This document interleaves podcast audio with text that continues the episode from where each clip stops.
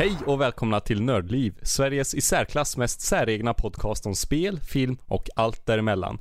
Jag heter Joel och med mig så har jag Martin, aka Fyghar, Tja! och Peter. Hej. Och en så solig dag som denna finns det ju nästan inget bättre än att vrida igen persiennerna, ta fram det största bordet man har och sen spela en ofantlig mängd brädspel på det, eller hur? Det är sant. Allt, alltså jag har haft regn här så det har varit perfekt brädspelsväder här så... Ja, ja exakt. Det är det är liksom det man vill ha. Så Peter, vi kan börja med dig. Vad har du för erfarenhet av brädspel? Ja, ehm, jag har ganska mycket erfarenhet, tycker jag i alla fall. Har spelat väldigt mycket sedan jag var yngre och du vet, börja med Monopol och sånt där. eh, som är hemmareglat. Och det gillar man ju inte så mycket. Men utvecklas lite mer när man blir äldre och ja, egentligen bara köpt mer och mer själv. Så Ja. ganska stor erfarenhet skulle jag vilja säga. Mm. Någon favoritgenre eller något annat sånt kul? Ja, men jag älskar lite de här, um, vad ska man säga, brädspel vars det är en gömd förrädare. Ehm, Ja, så eh, lite det, det är alltid någon person som ska lyckas uh, ljuga åt de andra, eller något sådant. Det är just sådana grejer jag älskar, för det är... Resi- Resistance och Secret Hitler och sånt tänker du på då? ja, exakt. Det är mm. perfekta spelen för mig. ja, ja, men det är bra. Och Martin, vad har du för erfarenhet av Ja. brädspel? Eh, jag minns när jag var liten hade min mormor schack och monopol hos sig. Men Ja, jag minns ja. också att eh, jag klippte på flingpaketen kommer med sådana brädspelsgrejer. Och jag vet om att jag hade paket Frosties där de hade eh, Star Wars för Phantom Menace. Hade de ett brädspel baserat, liksom ett litet brädspel på baksidan av paketet man fick klippa ut. Där fastnade jag faktiskt. Jag hade ingen aning om reglerna, men jag tyckte det var kul att slå tärning och se gubben flytta sig och det hände olika saker. Och där, Ja. där är liksom långt tillbaka när innan, när flingpaketen var roliga. Det är de inte längre. Ja, man brukar ju skämta om så här att hittar du körkortet i ett flingpaket, men du hittar spelglädjen till brädspel på ett jag flingpaket. hittade ett brädspel i flingpaketet. Ja, det ibland har man jackpot.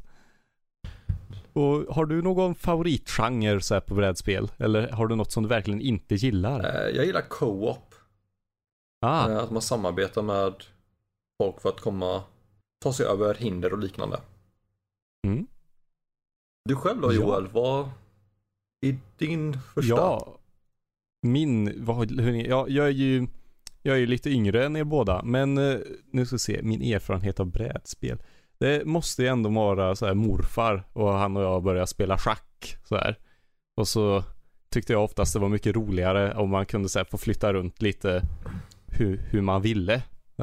Det var, jag var nog lite för ung. Men eh, till slut så förstod jag ju att det är ännu roligare om de figurer som får flyttas två steg framåt faktiskt flyttar två steg framåt. Och så var det med det. Sen har jag fastnat en del för figurspel. Eh, Och det spelar mig också på ett bräde. Men det kanske är, det får bli ett annat sommaravsnitt. Mm. Och om det inte var tydligt från den här lilla introduktionen så är det här alltså Nördlivs sommaravsnitt om brädspel och rollspel. Och det är väl bara att börja med det samtalsämnet som vi har fått fram. Eller vad tycker ni? Ja, kan tilläggas att jag tror det är första gången vi pratar om brädspel på Nördliv i en podcast. Eh, Är det första gången? Jag vet faktiskt, alltså, jag har inte varit med så länge så jag vet faktiskt inte men oftast det är ingenting de har tagit upp hittills. Det är väl inget huvudämne skulle jag väl säga i alla fall. Nej.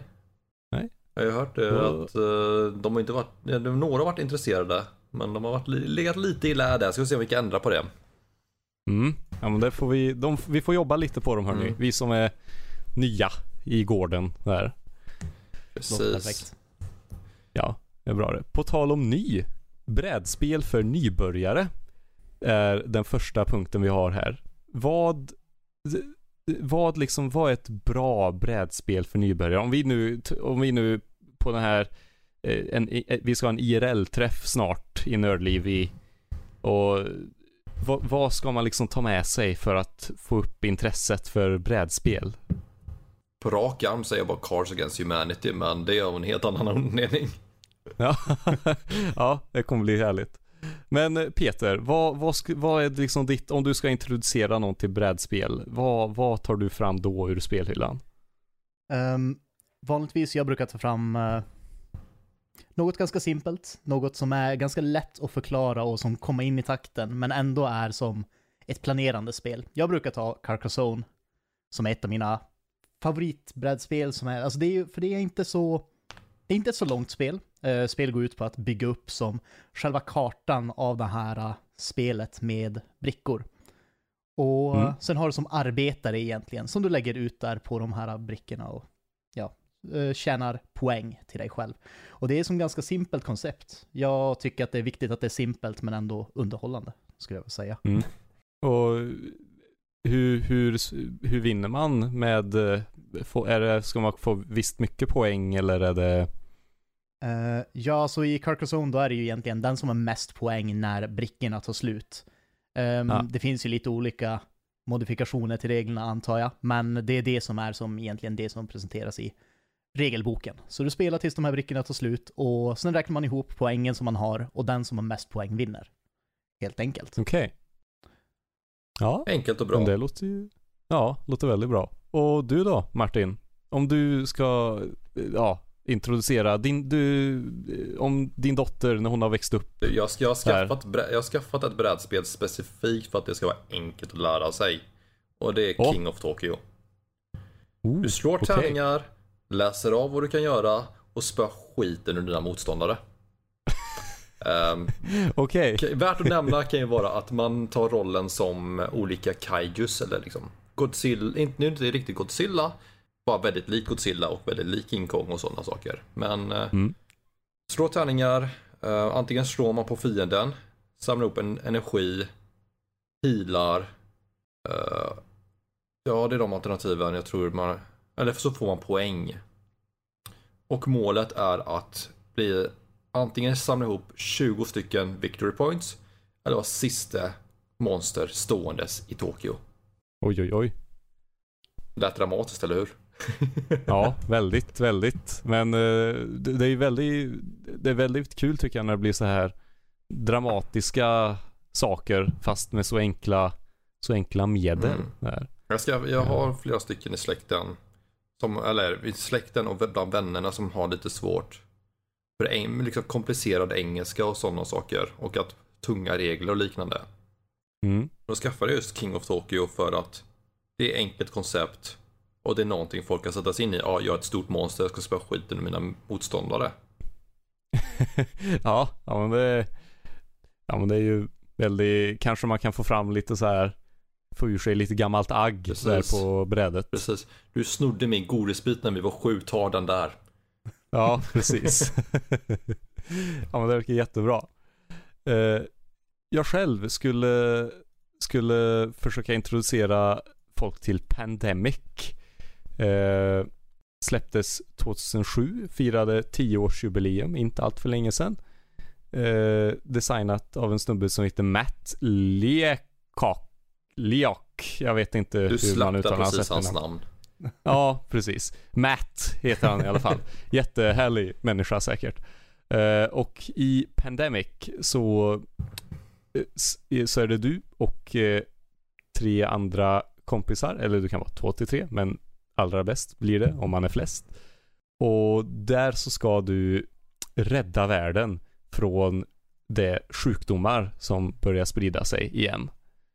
Och då har man då fyra stycken sjukdomar som man bekämpar och det gör man genom att flytta runt på världskartan och plocka undan eh, sjukdomar eh, för att hålla nere själva smittohärden. Och i slutändan så hoppas man kunna kunna göra vaccin till alla de här sjukdomarna. Men för att göra vaccin så måste man ha ett research lab och man måste ha fem stycken spelarkort i samma färg. Så det är liksom ett det tar ett tag innan man kommer dit och tills dess får man liksom bara försöka hålla bak det som redan har hänt och ja, sparka uppåt lite. Värt att nämna när det gäller Pandemic är ju det att det är ju co-op, det är ju samarbete. Så att Mm. veteranerna kan ju få med sig nybörjarna på ett effektivt sätt också. Ja, Det är jättesant det. Det är sant. Um, Mm. Jag gillar idén av de som har gjort Pandemic då, eh, Matt som du nämnde.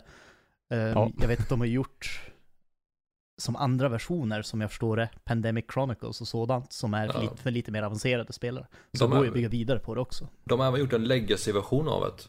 eh, Med Ja. två säsonger. Den är jag jättetaggad på. Vi har precis eh, köpt in den i den lilla spelförening som jag är med i. Och där har vi precis införskaffat Pandemic Legacy. Och jag är så hypad på det. För det har fått väldigt bra kritik. Mm. Det eh, har det. Från både mer kända och mindre kända sidor om brädspel. Låter extremt underhållande. Visst är det det som är typ, um, hur ska man beskriva det? Det är lite som att det är, du sparar dina Ja. karaktärer, om man säger så.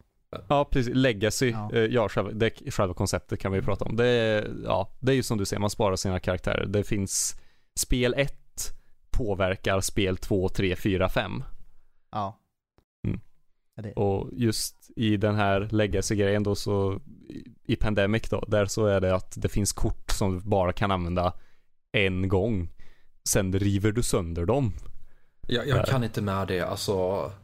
Nej, nej, det gör ju lite ont att, att Ja, skada det gör, ett spel. Det gör ont fysiskt att bara tänka på tanken. Jag spenderar precis 500 spänn på att köpa den Ja. legacy. Nej, nu ska jag riva sönder kortet så måste jag köpa allting på nytt sen. Nej! Nej, nej. Mm. Nej, det Nej. stämmer. Eh, det, legacy risk har jag sett många varianter av också. Vad tror ni om det? Jag, jag gillar konceptet legacy att man fortsätter i flera gånger. Att det är inte bara en spelomgång utan det är ett helt äventyr du är på. På Ja, men det blir lite, det blir lite som en, eh, alltså mer en så här långtidsinvestering. Och det Mm. blir lite roligare för spelarna som är med, för det blir som, åh, nästa gång då kommer vi som fortsätta på det här, vad kommer hända? Det blir mer sådant. Och du Ja. vet faktiskt vad, ehm, vad ska man säga? Det känns som mycket viktigare, alla saker du gör i spelet, eftersom att du vet att det kommer vara kvar nästa gång du Mm. Det, däremot kan jag tänka mig att man spelar inte om det särskilt ofta. Utan har du spelat en legacy-kampanj så kanske du väntar några år med att spela om det för att inte komma ihåg allting direkt. Utan fortfarande bli överraskad. Ja, då har man ju i Pandemics fall det här säsong två Mm. som har kommit. Och som man då liksom kan gå vidare till. Eh, jag, känner dock att jag har, något som jag tycker är lite svårt med legacy-spel, det är ju att eh, du kan inte köra, eller du kan och kan, men det är svårt att köra med nya människor. Liksom om du, har, om du håller igång ett, en legacy-omgång så är det liksom då är det med den här gruppen som du kan spela. Om alla inte bor på samma plats eller inte är lediga samtidigt så känner jag att det kan bli en utmaning att liksom Det, det är som att få upp en, en rollspelssession helt enkelt. Det är, Ja, man ska försöka pussla exakt. upp liven ordentligt. Man kan Ja. inte bara spontant sätta sig en gång. Nej. Ja, exakt. Mm. För det känns ju som att, eh, ja men som du säger, man vill ju ha med de som har spelat innan och då blir det som att spela utan dem känns som att egentligen karaktärer saknas nästan. Ja men det blir det ju. Det är, speciellt i det här i Legacy liksom. Och eh, det är ju ett till, det är inte bara brädspelspusslet man måste fixa med utan även livspusslet. Mm. Det ökända. Jo. Det är kända Men- livspusslet som förstör allt för mycket, ofta. Mm. Ja, precis, precis. Jag, jag, har, jag, Men- jag har en rollspelsgrupp just nu. Där, där jag och en annan kille, vi är alltså papp, småbarnspappor. Mm. Och vi är fem spelare totalt i gruppen. Det är också ett jäkla pussel att få ihop. Ja, du. Kan jag tänka mig. Eh, jag har ju inte barn. Så det, jag kan knappt föreställa mig vilken Jag, utebaning jag, jag, är. jag, jag var liksom, på väg att säga ja. jag var glad för det, men sen kom jag på att nej, kanske Ja. inte den sessionen. Nej. mm. ja, Nej, det är jag bra. hoppas inte min dotter hör det här på ett antal år. Nej, nej. nej men då kanske, hon, då kanske hon istället börjar fråga om alla brädspel vi pratar om Mm. istället för den där lilla konstiga kommentaren Ja, hennes pappa sa. Så. Hoppas på det. Något som eh, är första mötet med, för en del kan jag tro, det kanske är monopol i brädspelsvärlden.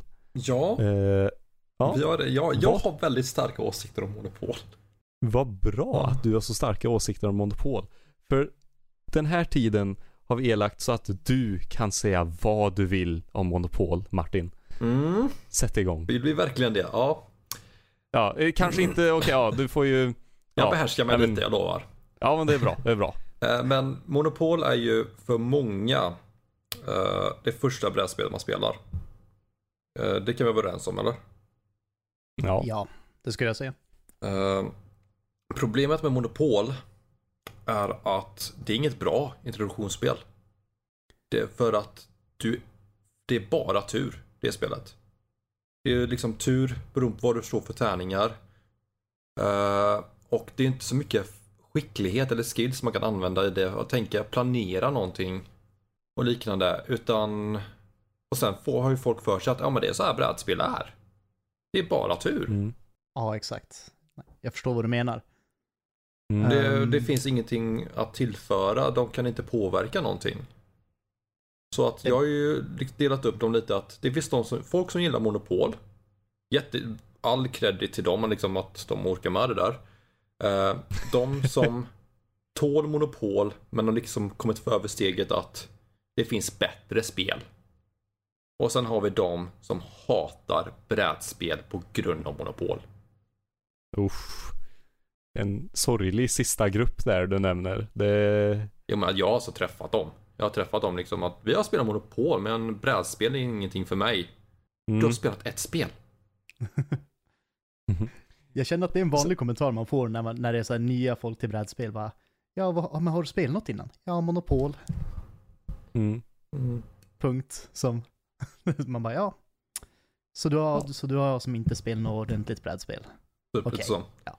Eh, nu är jag lite så här eh, delad då, eller vad ska jag säga, hypokritisk, är det hypocritical ett ord va? Ja. ja. För ett av mina favoritbrädspel är Talisman.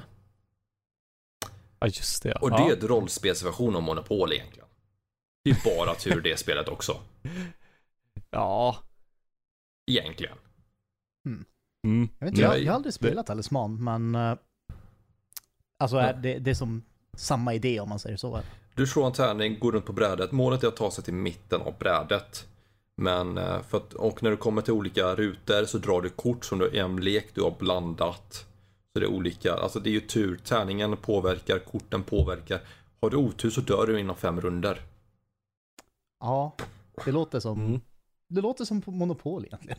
Ja, det gör det. Mm. Så jag är ju lite så här, eh, ska egentligen inte uttala mig om just turbaserade spel, men eh, Talisman har faktiskt hamnat mer och mer på hyllan nu efteråt också. Eh, att jag har Mm. kommit på allt det här. Mm. Men det...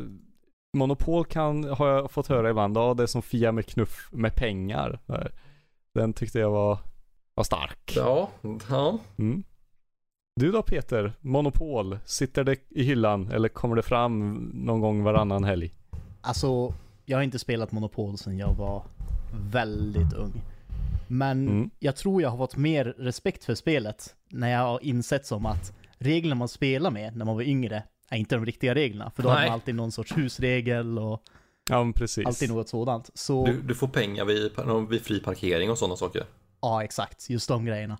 Samt någonting som, jag tror det här var aldrig med för att man var så ung och inte förstod riktigt, men ak- aktionering av eh, ställena är ju faktiskt en grej i Monopol. Mm.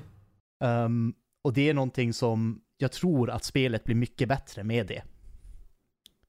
Mm. Eh, för om jag inte kom, som jag har förstått det så är det ju egentligen när du landar på en plats, om du bestämmer dig att du inte vill köpa den, då aktioneras den bort. Mm, Då är det nä- den nästa spelare som kan köpa den. Eller de Ja. tävlar om vem som kan köpa den. Ja, exakt. De, de bjuder om vem som ska köpa den, så då kan man ju trissa upp priset till exempel. Mm. Oj, Om det är någonting som en specifik person vill ha. Och jag tror det är där strategin kommer kanske lite mer. Mm. Och typ Mm. det här med att förhandla med folk. Jo, det är ju det. Det är, det är ju sånt man upptäcker när man blir äldre med det. Det är, inte Jo, de för, exakt. det är inte de första intrycken man får när man spelar det. Nej. Nej. Men det är därför jag tänker att Monopol får ett lite dåligt rykte ehm, som ett dåligt brädspel, just eftersom att det är sådana här grejer som oftast kommer du aldrig till den nivån, just eftersom att det blir som, ja men, man blir less på spelet innan, om, Mm. eh, om man har spelat när man var yngre. Vad säger du då Joel? Ja. Ja du, det var, det var allvarligt känner jag det här med monopol.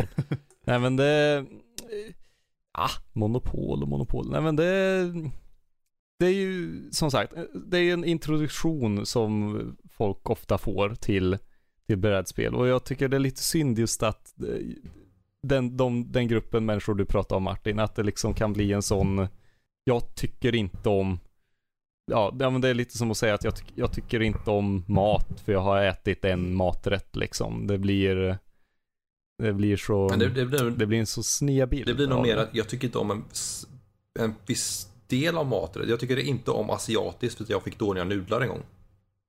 Ja, Ja, ja, lite så. Det, det är ju synd att det kan vara så så avtändande liksom, eller Men avskräckande. jag tycker också de som gör tillverkar, Hasbro är det, är det de som gör Monopol eller? Mm, Vad heter de? eh, det är det. Ja. jag tror det. De klantar sig en del också. Oho. Eh, Jag fick Hobbit-monopol för några år sedan. Och Tolkiens Midgård har många platser. Men det du köper i det spelet, det är karaktärerna. Så det man, det man sitter och spelar, det är alltså slavhandel.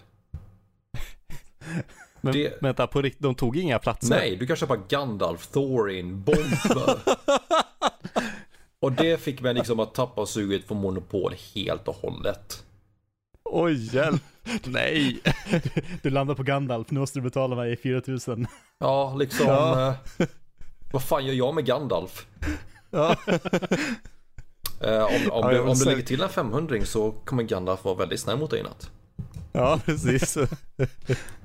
Nej, det, jag har hört en strategi om monopol. Eh, när, när du pratade om det här om tur och det är att, om man, det är att man ska köpa upp alla hus. Inte alla hotell, men alla hus. Eh, för om du köper upp alla hus så får ingen annan köpa hus. För inget tvingar dig att köpa hotell. Mm. Men då är det den biten också att du ska ha, ha alla färger. Eller alla delar av den Ja. färgen. För att köpa Mm. ett hus. Va, vilken färg var Gandalf? Blå. Ja, men det är ju bra. Jag tror. Bil, jag tror till och med Bilbo var bredvid honom. Ja. Nej, vad pinsamt. Mm. Eh, ja, nej, men eh, just det här med att köpa alla hus, för då så låser du if- de andra spelarna från att köpa hus. Mm. Och om du, om du som lyssnar nu inte har spelat Monopol, så kan vi ju berätta att Monopol, då går man runt i en cirkel på ett bräde och så köper man gator, de man lyckas få tag på. Eller karaktärer. om en annan, ja. Eller karaktärer i, ja precis, nej, gator och platser hoppas jag ändå på. Och så, och, och så när nästa spelare landar på en gata som du äger, äg, som du äger, då måste de betala hyra till dig. Och ja, förhoppningsvis så är du den som är kvar sist och inte bankrutt. Det- Den som är kvar sist är den som har monopol. Ja, Exakt. titta. Det var till och med Ja. ett syfte med namnet. Den här grejen kanske vi borde ha börjat med, men nu får du den i slutet. Ja, så nu kan du ju backa och lyssna igen och förstå mer vad vi pratar om. Exklusivt det här. Ja, N- några mer åsikter om monopol hörni? Jag önskar inte att det var så populärt som det är. Mm. Ja, alltså jag hade föredragit om det var något annat spel som är det som man kommer till, till barn så här som är hemma hos mormor och morfar eller något. Ska, vill ni inte spela något brädspel? Kan vi spela Carcassonne här istället? Ja, Något precis. sådant. precis. Jag kollade på, jag, jag gjorde diskutera förut, jag kollade på Board Game Geek. Jättebra hemsida för Mm. brädspel och få reda på vad folk tycker om dem. Monopol har betyg 4,4 av 10. Ligger på plats 17 000 i listan. Så om du vill spela Monopol så kan du alltså 17 16 999 andra spel som är bättre som du kan välja mellan. Ja. Pokémon Master Trainer är bättre än Monopol. ja du. Och det har de flesta antagligen inte ens hört talas om. Nej, precis. Nej. mm. Ja. Har du något slutord om Monopol Joel? Ja, Monopol verkar ju inte... Ja, nej, men vi kan köra en lite så här snygg eh, vidare jag kan eh, ta stafettpinnen vidare. Monopol verkar ju inte vara någon av oss, verkar inte vara någon här som har det som favoritspel. Men vad har vi för favoritspel egentligen? Och då begränsar vi oss inte till bara brädspel utan om det är ett favoritrollspel så får ni gärna säga vad det är och varför. Vi kan börja med Peter den här gången. Ditt favoritbrädspel och, och eller vad du vill rollspel. Ja, men eh, det finns ju sjukt mycket bra. Ehm, Mm. Men rollspelsmässigt, jag lär ju inte prata jättemycket om det för det är så pass öppet, men det är ju Dungeons and Dragons. Ja, Jag gillar det eftersom att det är ganska simpelt, det är väldigt tydligt allt man kan göra i det. Och det är lätt att få in folk som inte har spelat rollspel innan i det, känner jag. Ehm, men brädspelsmässigt så är det faktiskt lite av ett rollspel också. Ehm, det är ett spel som heter Mansions of Madness. Det finns två editioner av det. Jag har spelat second edition. Som är ganska intressant, för det kommer med en app. Um, och om man tänker sig att man spelar ett rollspel så fyller den här appen funktionen av en Dungeon Master, eller den som eh, bestämmer över själva spelet. Så... ska de, i- ska de ersätta oss med robotar? Nu blir vi arbetslösa. Nej, nej, Det är kört. fortsätt. Ja, det är kört. Ehm, nej, men så egentligen det den gör är att man, man sätter som in hur många spelare man är och eh, den här appen introducerar som hela kartan. Du börjar som egentligen i ett rum och Mansions of Madness eh, man spelar olika scenarion och det är ett mysteriespel så du ska lista ut vad som händer i det här scenariot och lyckas stoppa eh, det dåliga som händer i scenariot helt enkelt.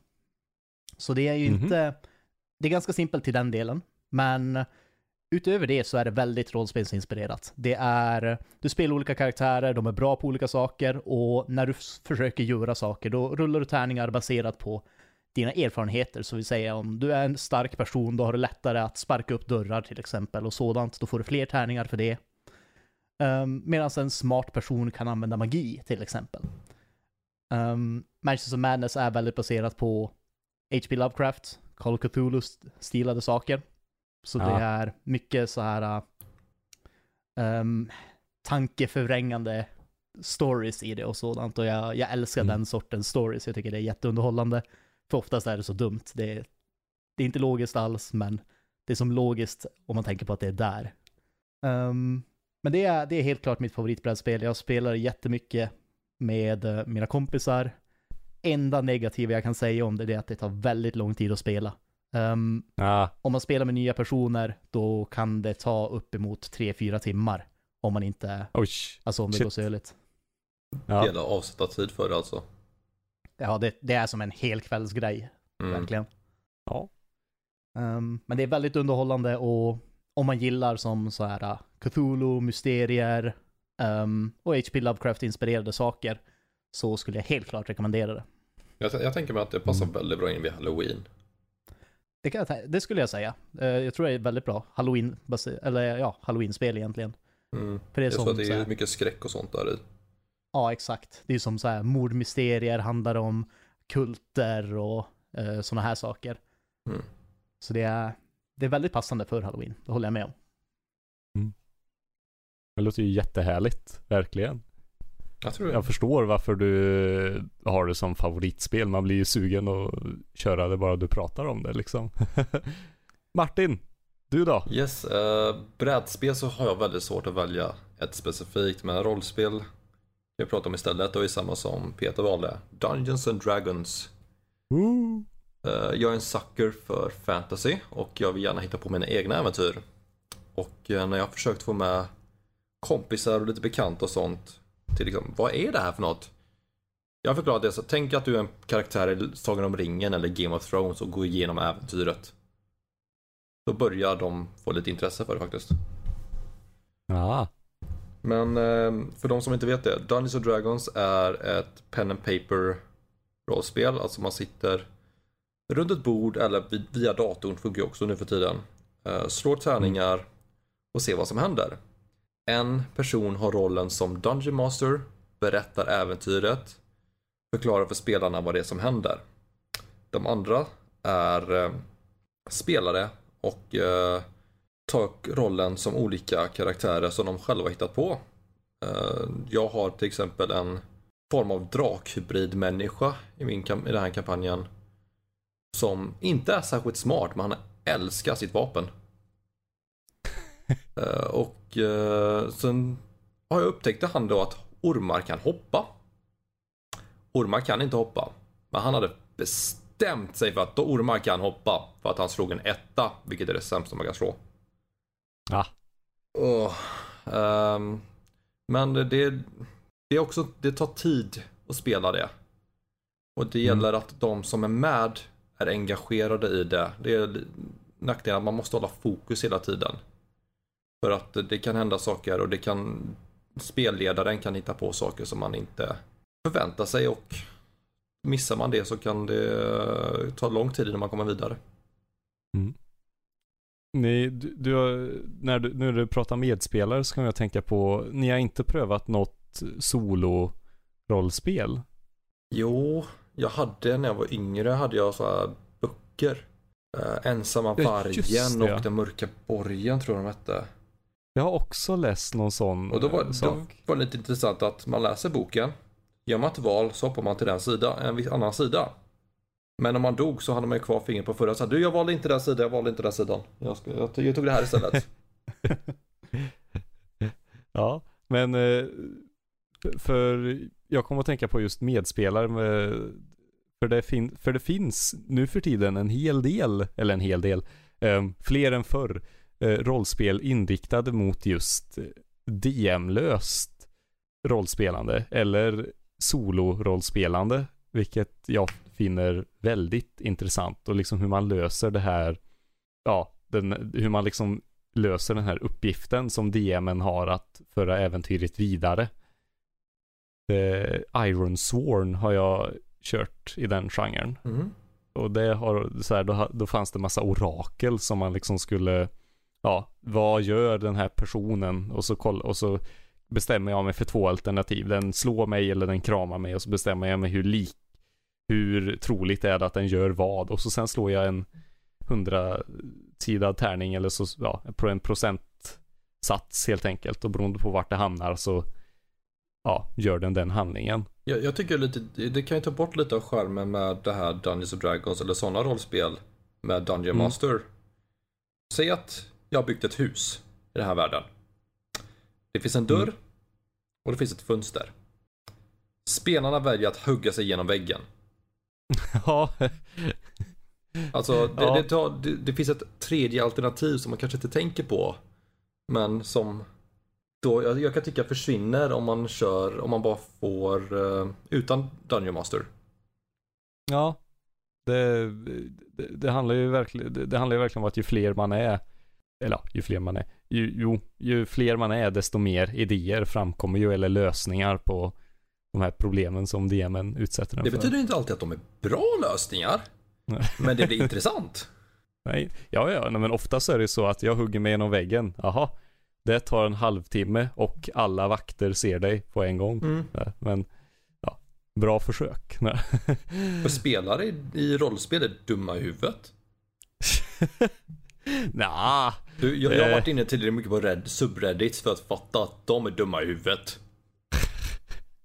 Det, finns, Ja. det, det var någon som tog upp som exempel. Det är liksom ett rött kraftfält och allting innanför är dött. Djuren ligger precis i kanten av kraftfältet och är döda.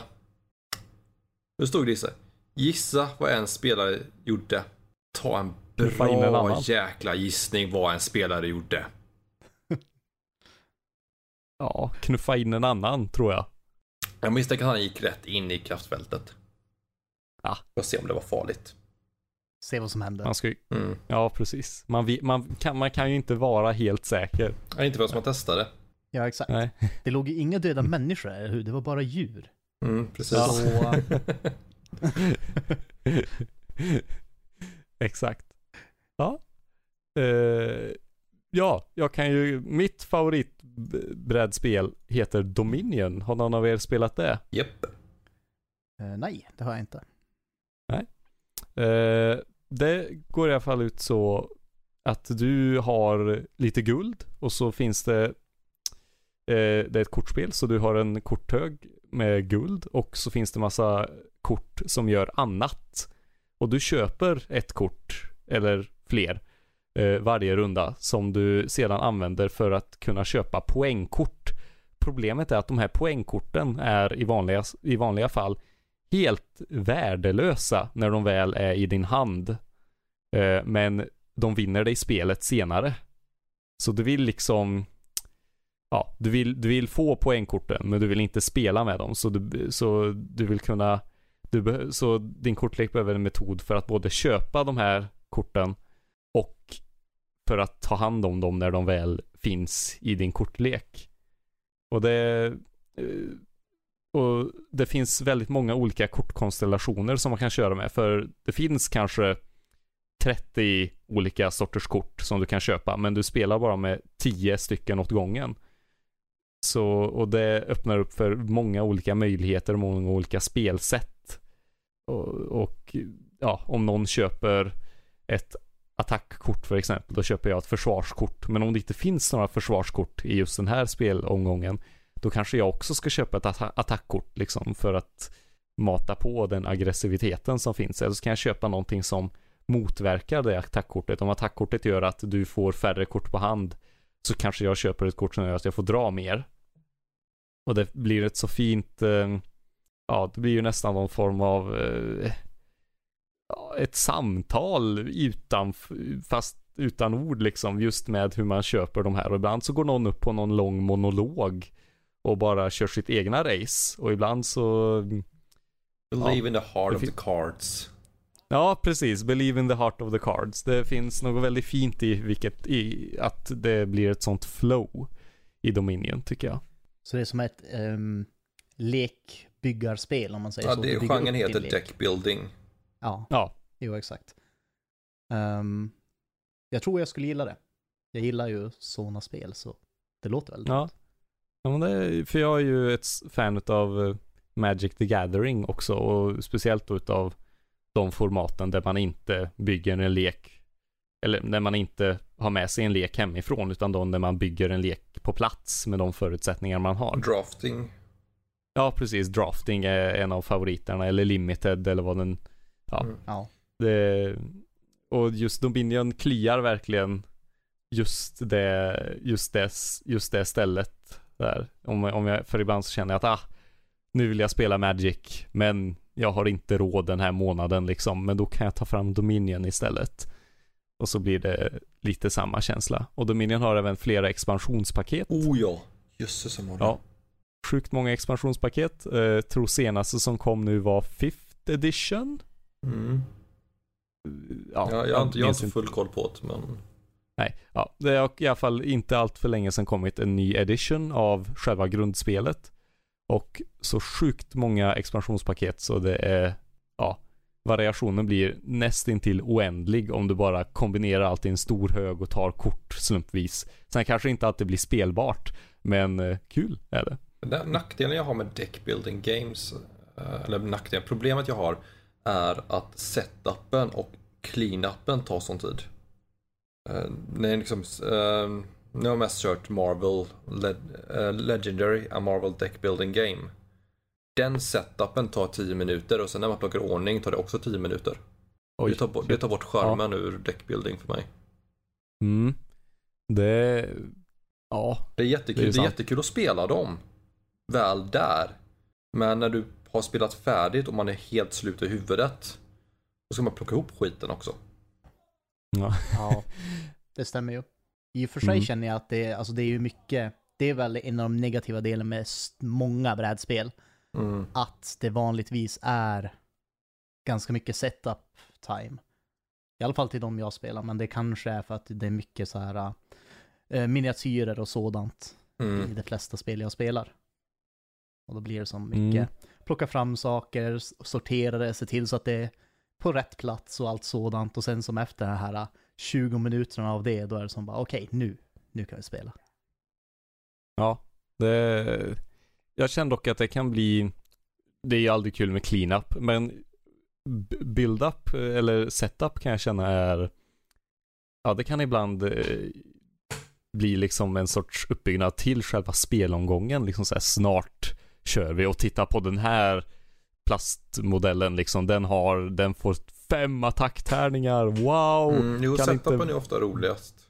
Ja, Men det är just det där clean-upen efteråt när man är helt trött. Man vill bara slänga Ja. i allting i lådan. Men det kan man inte Ja. heller göra för att de har problem nästa gång man spelar. ja. Setupen ska vara smidig nästa gång Ja. också liksom. Ja, Jag tror Legendary just är eh, klantat till sig på det sättet. För det är som en Mm. stor setup där. Men Dominion är betydligt lättare. Ja, det är det. Mm, ja, och jag har ett favoritrollspel också. Eh, känner några av er till eh, Warhammer 40K? Japp. Japp. Ja, ja det är bra. Eh, ja, det är ju då ett figurspel, ett sorts krigsspel där man köper små plastgubbar och sen sätter man upp dem på varsin ända av bordet och sen så slåss man. Eh, och på, just i det här universumet så har det släppts, har Fantasy Flight släppt eh, rollspelsmoduler.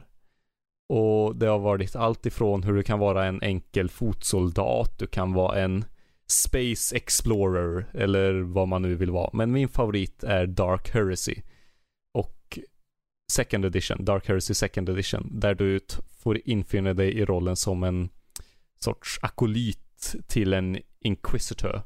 Och du får undersöka, ja, vad heter det, Heresy, um, kätteri i kosmos alla olika hörn. Det var, jag fastnade lite för Dark Heresy Second Edition, för det var, eh, till att börja med så är det det är procentbaserat, så om din gubbe är 60 bra på att eh, 60% stark, eh, då så rullar du en tärning och kommer du under 60 så lyckas du med det. Det var väldigt liksom enkelt att ta till sig. Sen kommer det självklart modifikationer på hur, på den här siffran. Liksom om du ska skjuta någon och är 40 bra på att skjuta men personen är 500 meter bort. Då kanske du får minus 20 på den och helt plötsligt ser det inte lika ljust ut. Men det var, men jag gillar verkligen just det här procentsatsvarianten. Jag fastnar för det. Det blir väldigt tydligt. Ja, precis. Och det blev så klart och tydligt med hur svårt någonting var. Och då kan man liksom sitta som spelare och liksom och räkna ut eh, själv utan att dela med sig så mycket till någon att okej, om jag ska anfalla den där, då så kommer det bli så svårt. Om den sen skjuter på mig så kommer det vara så svårt för den och så, ja. Det var, fanns mycket strategi man kunde lägga upp i det. Mm. Jo, jag, jag har ju själv kört några av de här alltså, procentbaserade systemen. Mm. Ehm, och jag gillar dem väldigt mycket. Jag har också kört lite Dark Heresy, men ehm, Åh, nämen. det jag har kört mest är väl MUTANT. Ehm, det finns ju ett uh, svenskt, Ja, just det. svenskt rollspel, MUTANT. Uh, Undergångens arvtagare heter det. Hur som helst. Eh, jag gillar de spelen, det är de jag började med faktiskt, innan jag började spela D&D. Och eh, som du säger, det jag, det jag tycker är bra är ju att det är väldigt lättförståeligt, du vet hur bra du är på någonting. Du vet hur procentuellt bra du är på någonting. Mm. Ehm, det, jag tror enda typ kritiken jag skulle ha mot de spelen, det är ju att det känns ofta att du är väldigt svag i början. För när du gör en Ah. karaktär så har du oftast inte jättehöga procent på saker. Du har oftast Mm. så här, vad kan det vara? Om du är bra på någonting, då har du 30 procent. Jag menar, det är väl Mm. fortfarande inte dåligt, så här en av tre gånger ungefärligen så klarar du det här. Men det är fortfarande en av tre gånger. Mm. Men, eh, men de är väldigt roliga. Det jag tycker är roligare med dem jämfört med D&D det är ju att de är mycket friare på det sättet att eh, där är det ju inte som att du bara, okej, jag är en, jag är en fighter, jag är den här rasen och så, utan det är mer så här eh, öppet. Du kan göra din karaktär väldigt fritt till det du vill Mm. att karaktären ska vara. Du förstår hur jag menar? Mm. Ja. Ja men verkligen. Och det kan bli, det sätter också en sån, man kan sätta nivån på ett annat vis genom att säga att ja, nu så har ni fått all er statistik här. Och så vill jag att ni lägger till 10 på det för ni är så här erfarna eller så här starka. Eller så jag vill att ni tar bort 5 på det för ni är helt gröna. Ja, det Jo. kan man kan modifiera liksom så att det känns eh, även på pappret liksom hur bra man är. Lite som eh, eh, har någon av er spelat Wolfenstein? Nej, jag har inte De gjort. sena... Nej, Nej. Eh, Men i alla fall i de senaste spelen så finns det vissa Vissa tortyrscener, du är en hjälte och du skjuter nazister etc. etc. Och då finns det vissa tortyrscener och där så under de här tortyrscenerna så är din livsmätare kvar. Och du får se hur den liksom går ner under, eh, under tortyren liksom. Och det ger ett sånt annat, det ger ett mekaniskt ja, en mekanisk på, effekt utav den här annars väldigt eh, eh, ja, det, det cinemaistis, cineaistiska, vad blir det, cinema, Ja. Ja. Väldigt iscensatta. tack, det, i den här annars iscensatta sekvensen så blir det ändå så här det, ja, det är lite som James Bond vet man ju, ju att han alltid överlever liksom. Men det blir ändå lite tveksamt när man ser en, ens mätare sakta börja gå ner liksom. Man bara sitter där med fem liv kvar och kanske har förlorat någon hand eller något och så, ja. Och, nej men just det här att få se siffrorna och, ja, och att de är så, inte så fluffiga utan de är väldigt liksom, så här bra är du. Det, det ger något tycker jag. Mm. Det håller jag med om. Och det är som, Ja. det är så mycket tydligare än i Ja, som Dungeons Dragons system vars det är som du har plus fem och bara ja, jag är väl ganska duktig på det. ja precis. Det, det kan ibland bli lite för, ja, inte jättetydligt. Nu har jag pratat alldeles för länge känner jag. Ehm, bästa rollspel slash brädspelstillfället? Martin. Ja, då pratar vi om minnen. Var Ja. väl? En anekdot eller något annat Ja. härligt. Det som sitter tydligast i minnet är senast vi spelade Dungeons and Dragons sessionen. Jag var ju en um, Dragonborn, det är ju drakhybrid som går på två ben. Och mitt party består av en halvalv som är bard, en halfling som är rogue och en alv som är trollkarl. -hmm. Halvvalven tyckte att det var en bra idé. Vi är, vi är i ett fängelse. Fängelse är ett hål i marken. Och vi är de enda raserna där som inte är människor.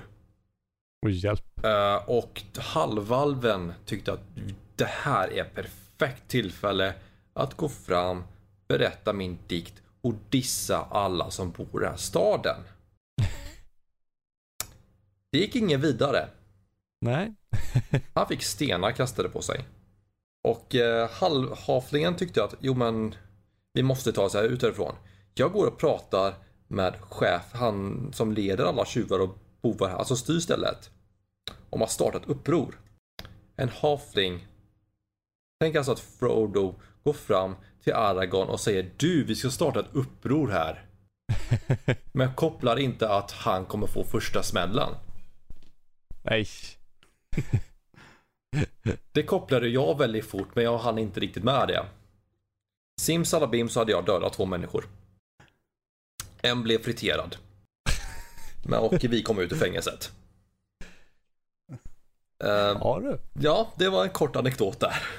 Ja, men mission success ändå. Ni, ni flydde ju. Det blev... Ja, flydde, flydde. Vi hamnade hos, vi hamnade hos fängelsechefen och eh, kungen i by i stan. Och höll på att bli avrättade. Oj. Ja. Så, men vi kom ut ur fängelset gjorde vi. Kanske inte Ja. på sättet ni hade velat, men Nej, inte riktigt. Och du då Joel? Eller om vi ska ta Peter kanske? ehm, ja, men jag kan ta och köra. ja, kör på Peter. Eh, det här var när ehm, jag var själv Dungeon Master då. Och Mhm. eh, då hade vi tre spelare där som eh, de hade gått med på att göra, skaffa en amulett till en, en person där som kunde hjälpa dem att göra sina vapen magiska. Det var som ganska tidigt i kampanjen och de hade som bara, ja men vanliga svärd och sådant och de bara, ja men magiska vapen, det låter hur bra som helst. Eh, så de behöver sno den här amuletten från eh, en präst som de tidigare har då pratat med, hjälpt och gjort som uppdrag för. Och då har vi då, ehm, det är en av dem spelar en alv, Eh, en Rogue då, samt att vi har en, eh, jag tror det var en människa, jo, en människa som var en barbar. Och sen hade vi då en, eh, en till alv som var magiker, som en, en wizard då egentligen. Och de, de ses som det här kontoret vars de har fått höra ryktet om att den här amuletten ska finnas och ja men okej, vi, vi ska bryta oss in där. Vi har en plan, vi tar våran Rogue här, han får ta och um, lockpicka som, ja men låsa upp fönstret eh, med sina färdigheter där så att de kan ta och smyga sig in och sno med sig den här amuletten. Ehm, och de tyckte det var en väldigt bra plan. L- låter bra på papper och så. Eh, de börjar. Han rullar ganska dåligt när han ska låsa upp det här. Går inte jättebra. Jag tror han misslyckas två eller tre gånger innan som de lyckas få upp det. Under den här tiden så har barbaren lyckats distrahera en vakt genom att prata om hans eh, religion då, eh, som han är del av. Och förvånansvärt pratsam barbar lyckas övertyga honom att gå med som i den här eh, kulten kan man väl kalla det, för det var som ingen stor, riktigt stor religion. Um, under den tiden så har Rogan som lyckats låsa upp fönstret, klättrar in där med, um, med lite svårigheter och sen ska han låsa upp ännu en gång det här, eh, vad ska man säga, displaycaset eller som, det är som ett glas, eh, glaslåda som den sitter i och visas ut för alla som kommer in på hans kontor då. Det går lite smidigare, det går ganska snabbt. Därefter går det ganska smidigt.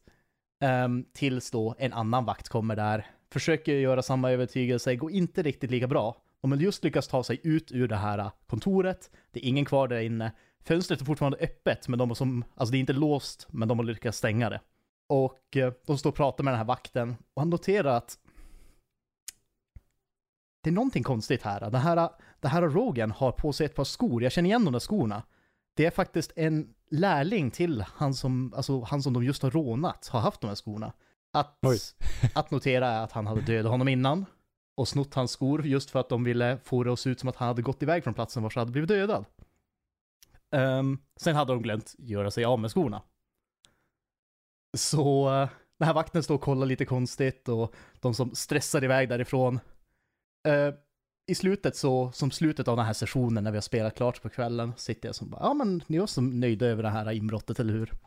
Nickar som och, alltså, då kollar jag som mot den här magiken och du, du vet att du har en, en magi som heter Mr. Step, vars kan teleportera dig in i rum och så.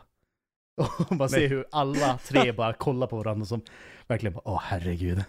Bara, åh.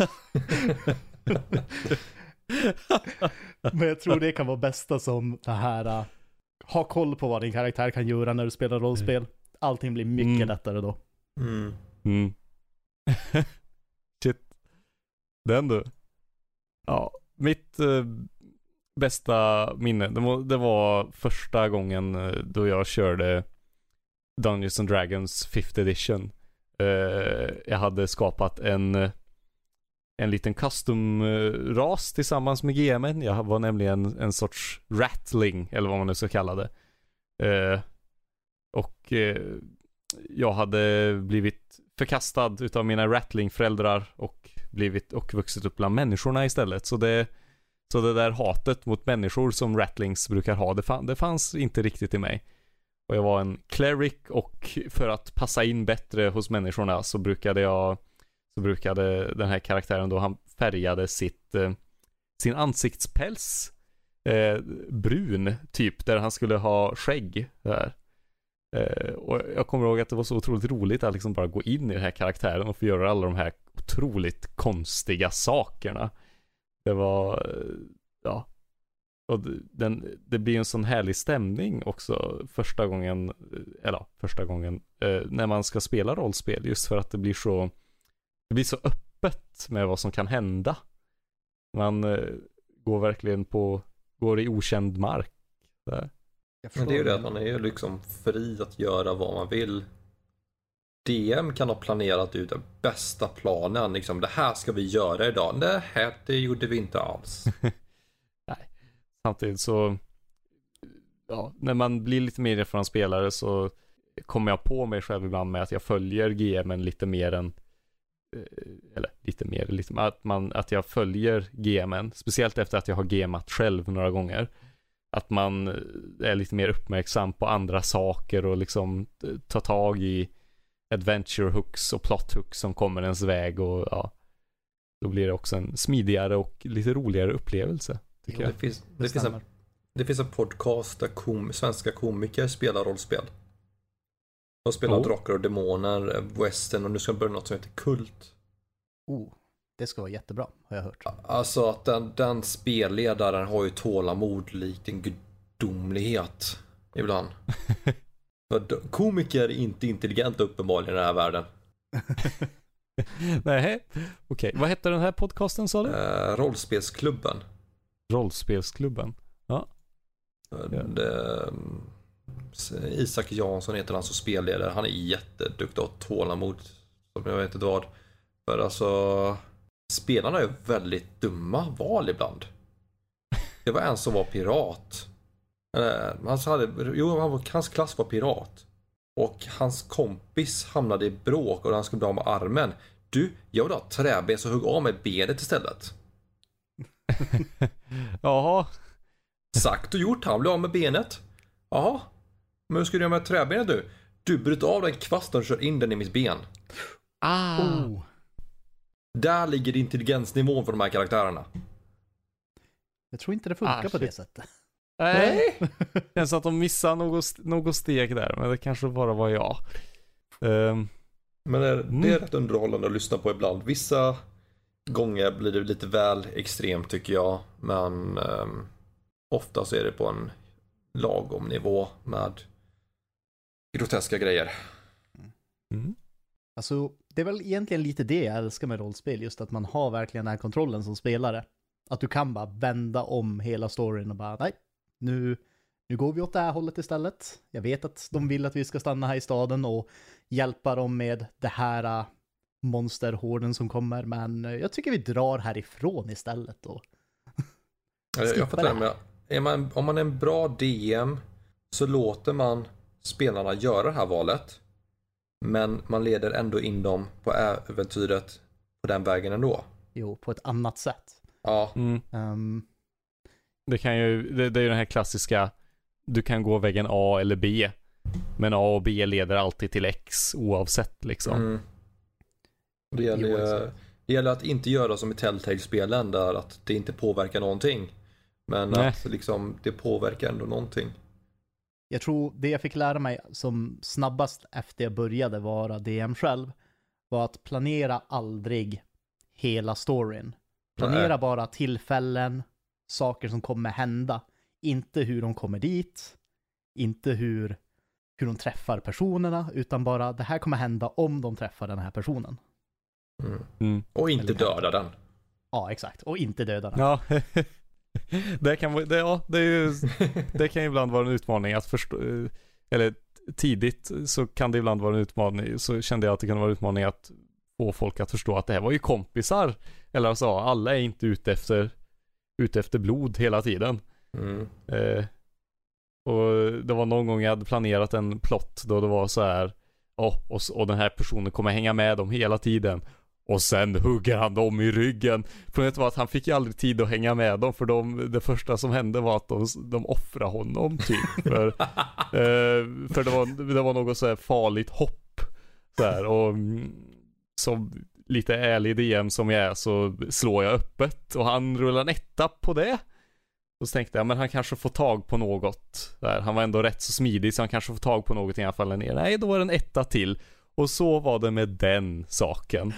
Eh, och så var jag tvungen att introducera en annan kompis och den här trodde de ännu mindre på. Men till slut fick jag igenom. Men det var, det var lite jobbigt där ett tag. Det, när- det tog några NPCer. Ja, precis. Det, just det, så här bara, ha så rullar jag den andra, ettan och så bara, nu måste vi ta en liten paus hörni. så ska man verka så opåverkad som möjligt. Jo, ha stoneface där medan du Ja. föreniskt försöker komma på som vad du ska hitta på sen. Ja exakt, så bara, kan han dyka upp i rullstol? Hur mycket stoppar det honom? Eh, eh, Ja men det är det som är kul att vara DM också, att man vet inte vad som händer.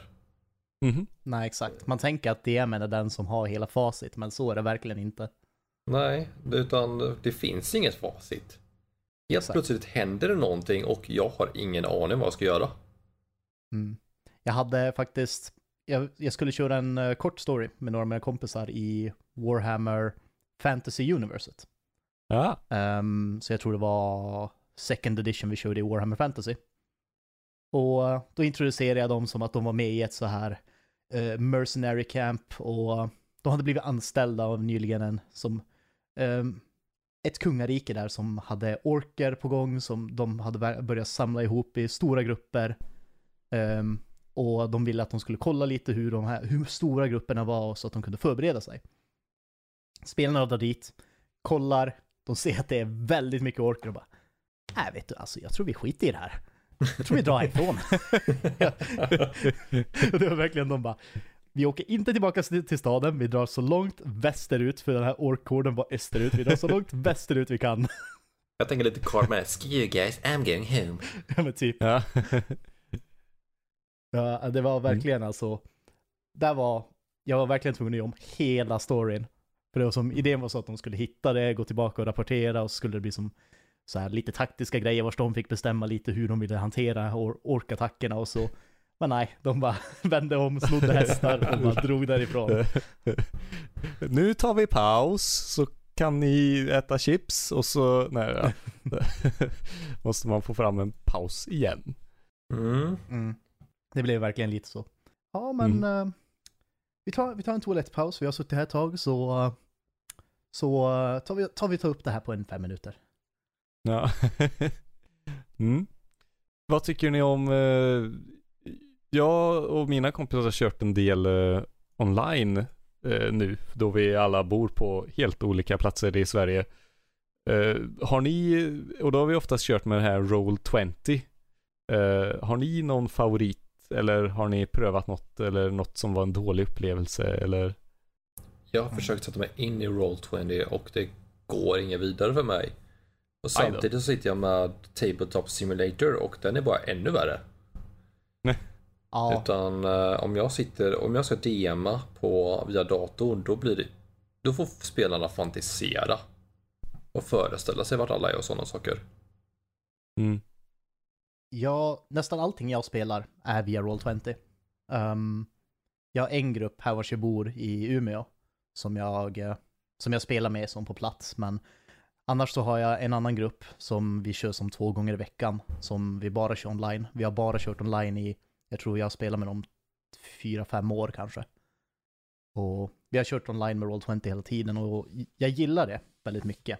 Det är simpelt, speciellt om du kör D&D. För Mm.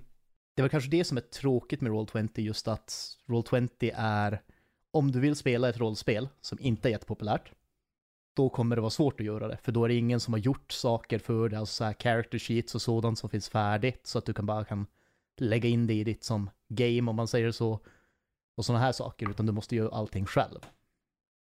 Och ehm, det är det som är jobbigt med Roll20, men annars typ köra som populära rollspel, det tycker jag funkar jättebra. Man tappar ju lite av den här äh, känslan av att sitta med kompisar och snacka med dem och ja men du vet, eller ni vet rättare sagt. Um, Ja. Ja, bara prata, prata lite skit samtidigt, hänga lite samtidigt som man spelar. Um, Mm. Men jag tycker helt klart det funkar väldigt bra med Roll20 när man väl har lärt sig det. Det är väl det som är den jobbiga delen att lära sig det. Mm. Ja, för jag, eh, jag håller med dig där om det blir en annan stämning också. Vilket jag tycker är bra i vissa fall, men också tycker jag det är lite synd, för det blir liksom en så Ja, det är ju inte bara med att livspusslet ska liksom pusslas in, för det blir en så otrolig dedikation till det man gör och det är, ju bra. Dedikation kanske var fel ord. Det blir så strikt på något sätt. Ja, så Det du blir, tänker det blir inte det här lätta med att man bara kan ta fram ett vitt papper och skribbla ner en karta utan det måste ändå på något vis ha förberett liksom. Mm. Det, Det, det är lite svårare att improvisera mm, Jo, det håller jag med om. Jag menar, Roll20 har ju som, de har väl typ verktyg för det, men som du säger, det är mycket lättare att bara kunna ta fram det här vita pappret, eller om man har typ en så här um, utsuddbar um, karta som vi har, vi har ganska ofta när vi spelar som i person. Så det, den är som egentligen perfekt för DND för den har som rutor utlagd på sig så att man har de här five feet distance som är det man alltid mäter i. Mm. Så kan man bara rita upp på den. Det är det som är så simpelt med det. Mm. Ja. Mm. Ja, då kanske vi ska gå vidare till nästa samtalsämne. Om inte någon har något mer. Vi fastnar väldigt länge på den här. Det var jättemysigt. Jag har inget att tillägga just nu. Inte jag heller. Nej. Eh, då ska vi se. Brädspel baserat på dataspel. Funkar det? Är det ett bra koncept? Är det ett dåligt koncept? I don't know. Vi frågar Martin. Ja, jag har ju inte spelat men eh, bland de mest kända digitala brädspelen på digitala spel, det har vi ju eh, Dark Souls blev väldigt poppis när det släpptes. Pratades mycket mm. om. Och League of Legends har ju sitt brädspel Mex vs Minions. Jag har inte spelat det, men jag satt bredvid när mina vänner spelade det. Och eh, då är det, fungerar det så att man får uppdrag. Det, har, det är inte som i League of Legends att man uh, har olika, det är inte Moba. Utan man får uppdrag som i Legacy vi pratade om förut. Så man ska klara av vissa sessioner hela tiden. Så det är uppdrag 1, då ska du göra en viss grej. Uppdrag 2 ska du göra en annan. Uppdrag 3, så fortsätter det så ökar svårighetsgraden hela tiden. Eh, mm. Och då, det enda som har med League of Legends att göra det, det är att karaktärerna är från spelet. Det är det enda som har med League of Legends att göra. Men det är riktigt kul. Det är ett co-op-spel och det ser riktigt kul och för 800 spänn kostar det. Och det är den största lådan brädspel jag har sett och vad innehåll har. Oerhört prisvärt. Är det större än eh, Twilight Imperium? Äh, svårt att säga men jag tror säkert lådan låg på... Jag ser. Uh, den var några halv meter lång. Oj, hjälp. Shit, okej. Okay. Jag, jag, kan minnas okay. fel nu, men alltså den var stor. Ja. och den var liksom några decimeter hög också. Och det, man, när man packade upp det så var det lager på lager. Man hade liksom packat in det perfekt så låg lager på lager bara plocka ut hela tiden.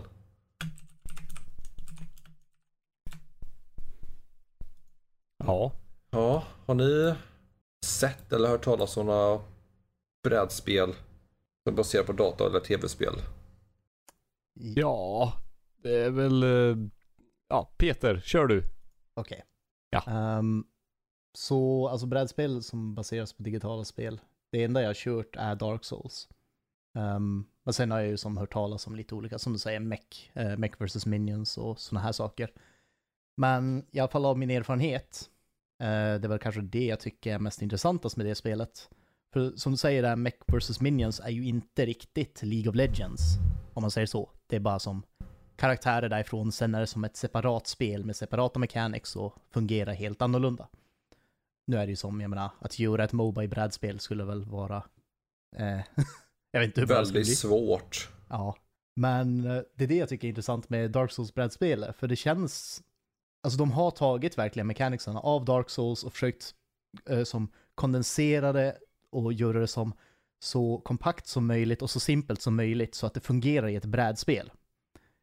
Um, och det funkar ganska bra. Det är inte ett av de bästa brädspelen jag har spelat, men det är väl fortfarande bra. Och jag gillar det i alla fall. Mm. Um, jag tror att, eh, för det, det är som väldigt likt Dark Souls på det sättet att du, man spelar, det är ett Cooprad-spel. Du uh, kan spela upp till fyra personer. Du väljer olika karaktärer, du väljer som Night Fighter, uh, lite vad som och sen ska du ta dig igenom rummen tills du kommer till en boss. Eh, du ska döda den här bossen och då startar du som upp till på en ny nivå. Vars du sen kommer till eh, riktiga bossen då. Första bossen du möter är som en miniboss.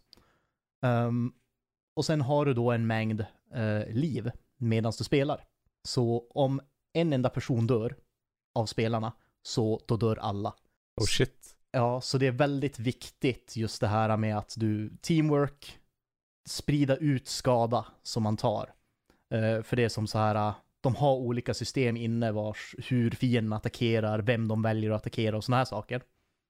Så du kan, Mm. om du kan utnyttja det riktigt bra, då kan du som kajta runt fienderna bara i en ring i ett, i ett rum, som, utan att de någonsin träffar dig. Ehm, och det är som, Som Dark Souls på riktigt. exakt, du bara rullar runt rummet.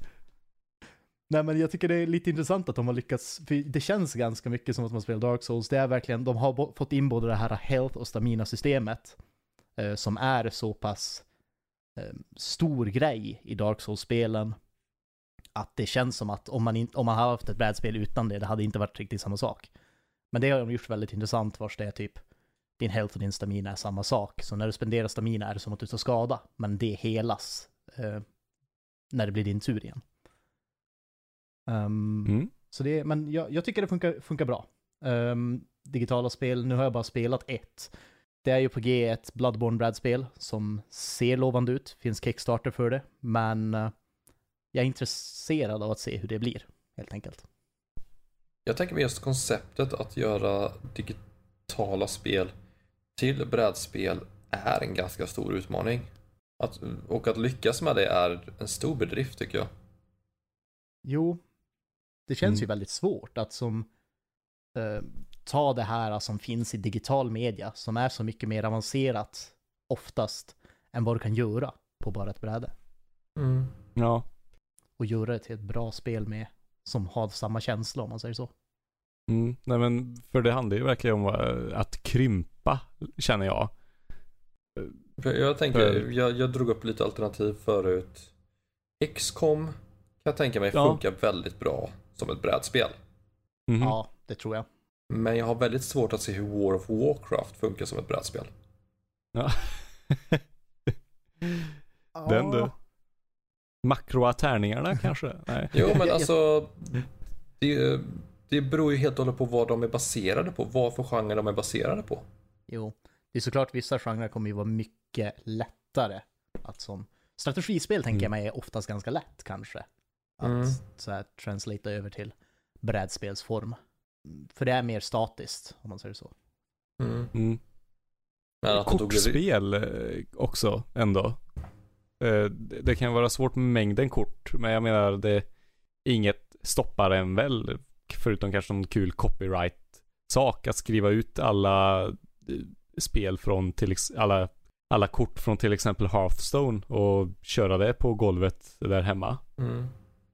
Alltså jag Ja. tänker ju, just med Hearthstone faller ju lite i en gråzon egentligen. För att det är ju ett kortspel som är baserat på ett dataspel. Men det är digitalt. Ja, Ja, det är sant. Det är lite en gråzon där.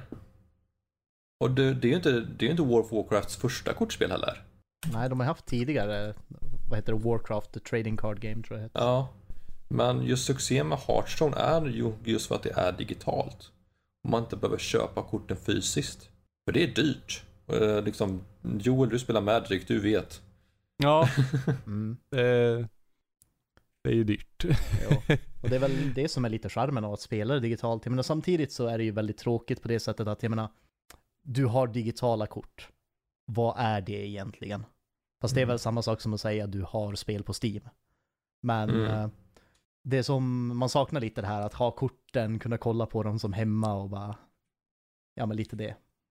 Ja, istället Hearthstones svar på det är ju de här guldkorten som man kan samla som har någon liten an- animation i Mm. mitten. Men det, men det är ju det här, det är ju skönt att ha något att hålla i när det kommer till kortspel, tycker jag. Jag tycker överlag när det gäller spel, jag vill ha fysiskt. Jag, jag vill kunna plocka fram, jag vill kunna stå i bokhyllan och välja vad jag ska Mm. spela. Det, ja, det blir så mycket text och det blir så rörigt när man kollar på det i biblioteken på datorer eller konsoler. Ja. Och jag kan ju säga också att jag, det finns ju spel i mitt Steam-bibliotek som jag inte har spelat. Ja, men det finns ju inte ett enda Men det finns ju inte ett enda fysiskt spel eh, Alltså dataspel eller brädspel som jag har köpt och inte spelat. Mm. Det är samma här. Jag är som så här helt för digitala spel. Jag tror inte jag har köpt ett fysiskt spel sedan jag köpte min PS4 och då var det som, jag köpte Bloodborne för det fanns bara på PS4. Mm. Um, men uh, jag håller med om, det är ju, det, man saknar lite det här att, att, ha som en fysisk kopia, att du faktiskt kan ha så här, jag äger det här spelet. Inte bara någon sorts digital licens. Gre grejen är nu med de, när det gäller tv-spelen, du äger fortfarande bara, du har en licens. Spelskivan är din licens att spela det här. Ja, exakt. Mm. Så det är, jag, jag tänker oroa mig lite inför när, och nu är det fråga om när, inte fråga om om, när servrarna stängs ner. Vad sjutton Ja, gör man med sitt spelbibliotek då? Vad Mm. händer när Steam inte, när de lägger ner Steam? Ja.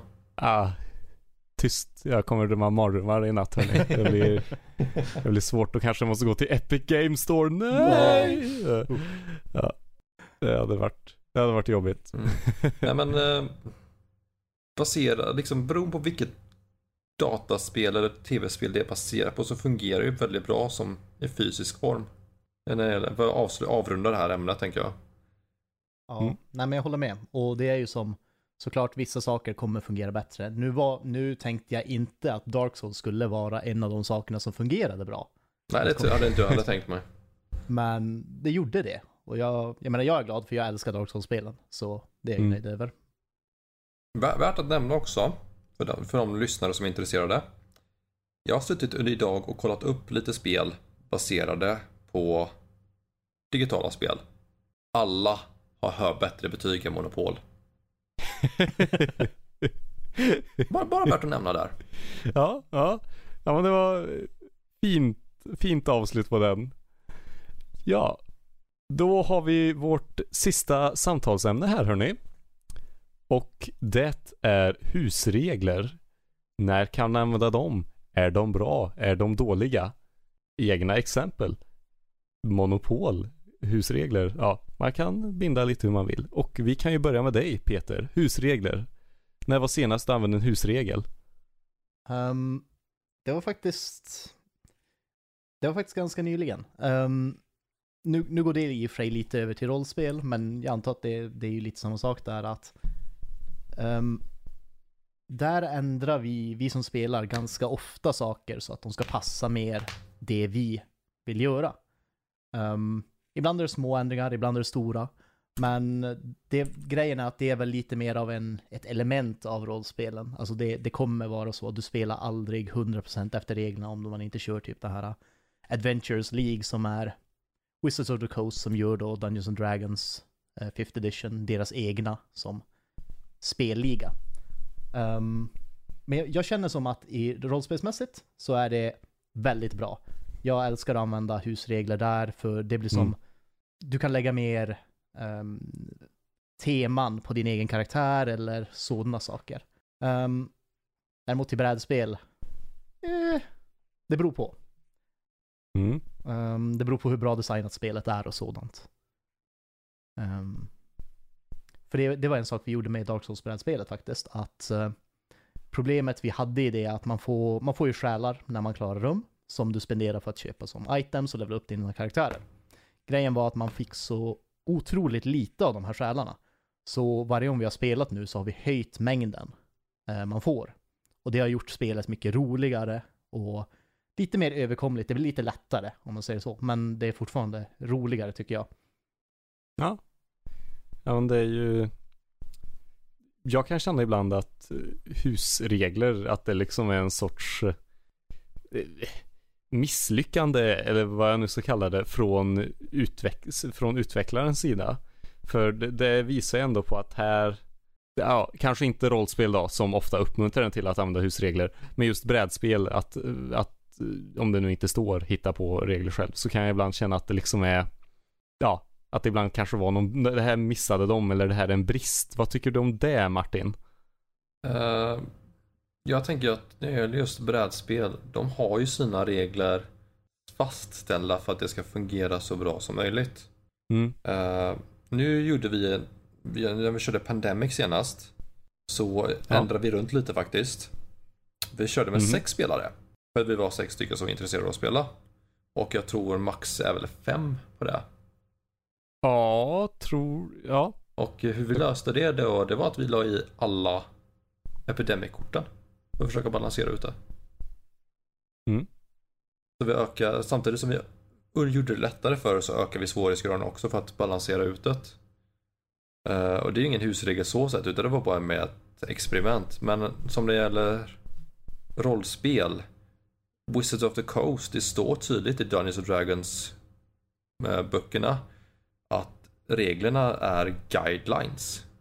Det, de är inte skrivna i sten utan om det är någonting du tycker att det här de är på väg att göra blir mycket roligare om vi inte kör efter reglerna. Gå på det.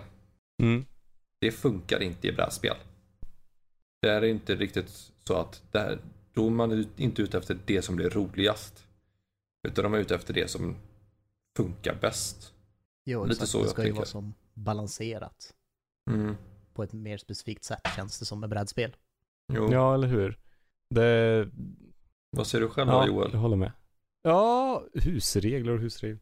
Ehm, ja, en husregel är ju att eh, jag ska laga mat varje torsdag. Nej, uh, men ehm, eh, jag har inte jättemycket erfarenhet. Jag är så här, jag är jag följer oftast de regler som redan finns. Eh, men eh, de gånger då jag stött på husregler som oftast varit väldigt, väldigt bra. Ehm, och det kan ha varit allt ifrån eh, ja, den, den som inte gör den här handlingen den här rundan.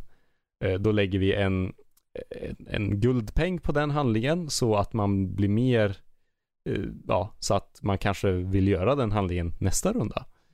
Och tar ingen den, den rundan heller, då hamnar en till guldpeng på där och till slut så kommer någon ta den. Oavsett vad det gör för att du får bokstavligt talat betalt för att göra den. Och det var på just det här exemplet var, är från eh, Twilight Imperium. Då du eh, finns åtta stycken saker du kan göra. Och om inte någon, om man är ett udda antal och någon inte tar ett, eh, en handling, då kan man liksom göra den mer, ja, mer lockande helt enkelt. För att, eh, ja, röra om lite i grytan. Men det handlar ju verkligen om det här med att man är ute efter mer kul med husregler känner jag. Och det är så väldigt, det är väldigt lätt att få i rollspel. Om man typ, om du vill ha Dungeons and Dragons med pistoler, go for it. Det finns liksom inget som stoppar dig riktigt. Mm. Det håller jag helt klart med om. Alltså det, det är därför som, som ni säger att, jag menar, i alla rollspelsböcker tror jag som jag har läst, så står det verkligen att reglerna är guidelines. Det är inte någonting som du måste följa. Mm. Ehm, och att man kan modifiera Re- dem. Ja, regel nummer ett, eller regel noll som de kallar det. Ofta. Ja, Eh, ha kul. Mm. exakt. Men det är ju som med Mm. brädspel, är det ju lite annorlunda. Och som du säger, det är ju, det är ju mycket det är mycket saker som man kan ändra som man tänker sig att det ska bli kul. Jag tror gre- grejen är den att husregler, ofta när de blir ett problem, det är när folk inte har spelat spelet nog mycket.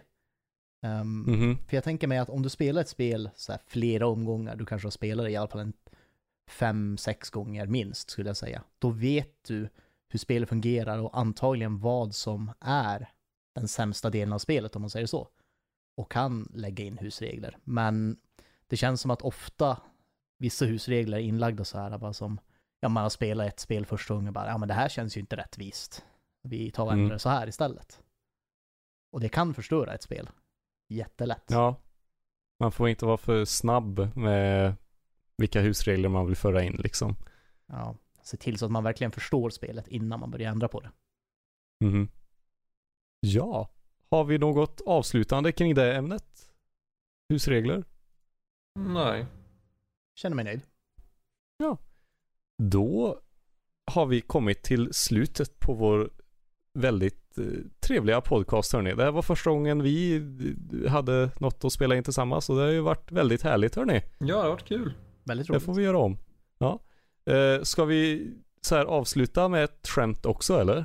Jag tänkte mer innan vi avslutar. Uh, jag kommer med två rekommendationer om det är någon som lyssnar och är intresserad av brädspel. Är det att dels kolla upp Tabletop på YouTube.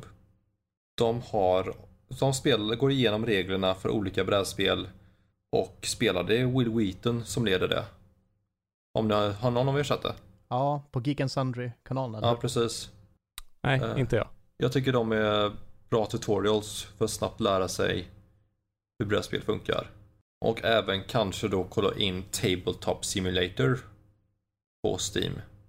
Eh, om man känner att man är intresserad av det men man inte spenderar flera hundra eller tusentals kronor på brädspel man inte är säker man kommer tycka om. Uh, det är alla de två rekommendationerna jag har. Ja. Du då Peter? Något du vill, några bevingade ord? Ehm, egentligen inte. Jag håller med om det här med Tabletop Simulator. Jag skulle rekommendera alla att pröva spela rollspel om du har någon som är intresserad, för jag tror nästan alla skulle älska det om de bara prövar det. Jag tror det är många som är lite så här äh, anti mot det, för det låter så, när man säger rollspel så låter det väldigt konstigt, tycker många. Tänk tillbaka till 80-talet. Du, de sitter där nere och tillkallar Satan. Ja, men typ. Det, det, man tillkallar inte Satan så ofta, det händer någon gång. Men ehm, det är väldigt roligt och jag rekommenderar att alla prövar det om de har något sorts Det är väldigt intresse. roligt att tillkalla Satan ska ni veta. ja, precis. Ni, fatt, ni fattar ju inte vad ni går miste om, ni som inte tillkallar Satan. Nej. Eh, jag ska också passa på att tacka våra hedersnördlivare på Patreon. Och det är Patrik Mattsson. Tack så jättemycket för ditt stöd. Vi uppskattar det något enormt. Och vill du också stödja oss så kommer det finnas en länk eh, där du på, vår, på Nördlivs hemsida där du också kan hjälpa oss att skapa ännu mer content till dig. Ja, ska vi säga hejdå hörni? Tack för att ni lyssnade. Ha det Ja. gött. Ha det bra. Ha det bra. Hej hej. Hej.